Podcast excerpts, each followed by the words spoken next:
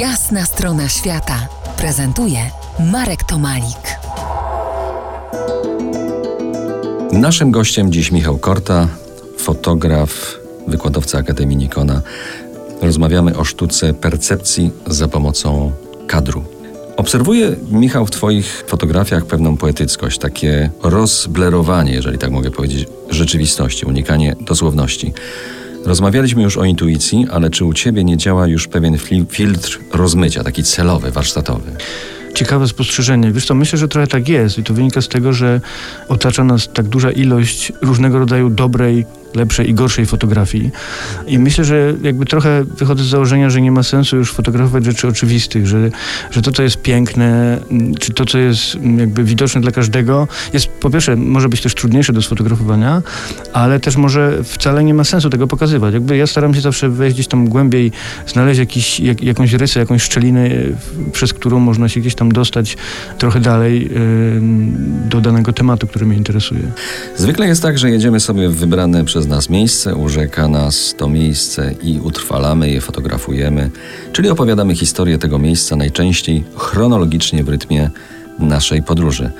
Szczególnie ważne jest to w fotografii reportażowej. Ty chyba jednak inaczej, mniej chronologicznie rejestrujesz.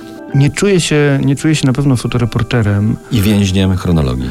E, I więźniem chronologii też nie, chociaż myślę, że konceptualnie to jest bardzo ciekawa rzecz, którą można by we wspaniały sposób zawrzeć w fotografii, w obrazie, e, chronologia jako taka. Natomiast tak jak mówię, gdybym wykorzystywał taki motyw, to, to próbowałbym to konceptualnie jakoś ugryźć. Natomiast nie, ja pracuję zdecydowanie swobodniej, jeśli chodzi o, o traktowanie tematu. Próbowałbym może podać jakiś przykład, chociaż nie wiem, czy mi coś przyjdzie. No, no akurat książka Balkan Playground jest... No właśnie, o to chciałem cię zapytać, o Balkan Playground. To jest jeden z twoich y, projektów. Opowiedz, o czym on jest. To jest esej fotograficzny, można powiedzieć esej dokumentalny o Bałkanach. No i ja w 2014 roku pojechałem na Bałkany bez jakichś większych przygotowań tak naprawdę i chciałem zobaczyć, czy w ogóle istnieje coś takiego jak Bałkany jako, jako, jeden, jako jeden termin, jako obszar, który obejmuje kilka państw. I z tym się chciałem zmierzyć. Tak naprawdę w dzisiejszych czasach trochę fotografia podróżnicza, trochę też takie poverty porn y, czy, czy aging porn pokutuje już w, y, w takich zdjęciach. Bardzo dużo takiej fotografii właśnie, która pokazuje świat w bardzo powierzchowny sposób, bez badania relacji, związków między, między rzeczami, które tak naprawdę widzimy. Jak jedziemy gdzieś na dwa tygodnie, no to nie jesteśmy w stanie poznać danego kraju w, w, w jakiś głębszy sposób, prawda?